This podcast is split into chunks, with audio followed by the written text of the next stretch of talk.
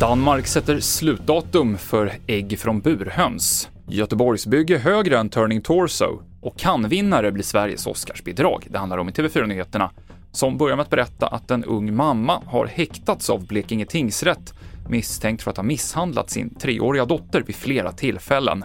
Det var i början av veckan som det spreds filmer i sociala medier som visade hur en kvinna misshandlade en liten flicka och den nu häktade kvinnan greps kort efteråt. Barnet är omhändertaget av sociala myndigheter, rapporterar SVT. I Danmark så blir det nästa år förbjudet att bygga nya burhönsanläggningar. Ett totalstopp för ägg från höns i bur införs år 2035. Den som idag har sådana anläggningar får alltså 12 år på sig att helt fasa ut verksamheten. Flera livsmedelskedjor i Danmark har redan tagit bort burägg ur sitt sortiment. Nordens högsta hus håller på att byggas i Göteborg. Karlatornet ska bli 246 meter högt, men nu har bygget passerat Turning Torsos 190 meter i höjd. Huset ska bland annat innehålla 611 lägenheter och vi hör Erik Selin, VD för fastighetsbolaget Balder.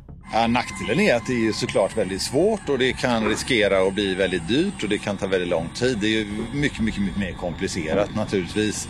Men sen är ju fördelen att det blir ett landmärke och för Göteborg som Ola säger, det blir ju en eh, dragningskraft i sig.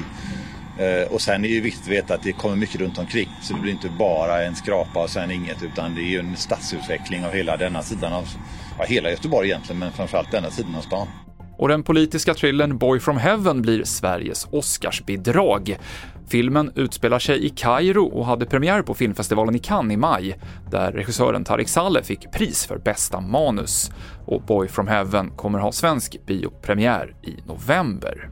TV4-nyheterna med Mikael Klintevall.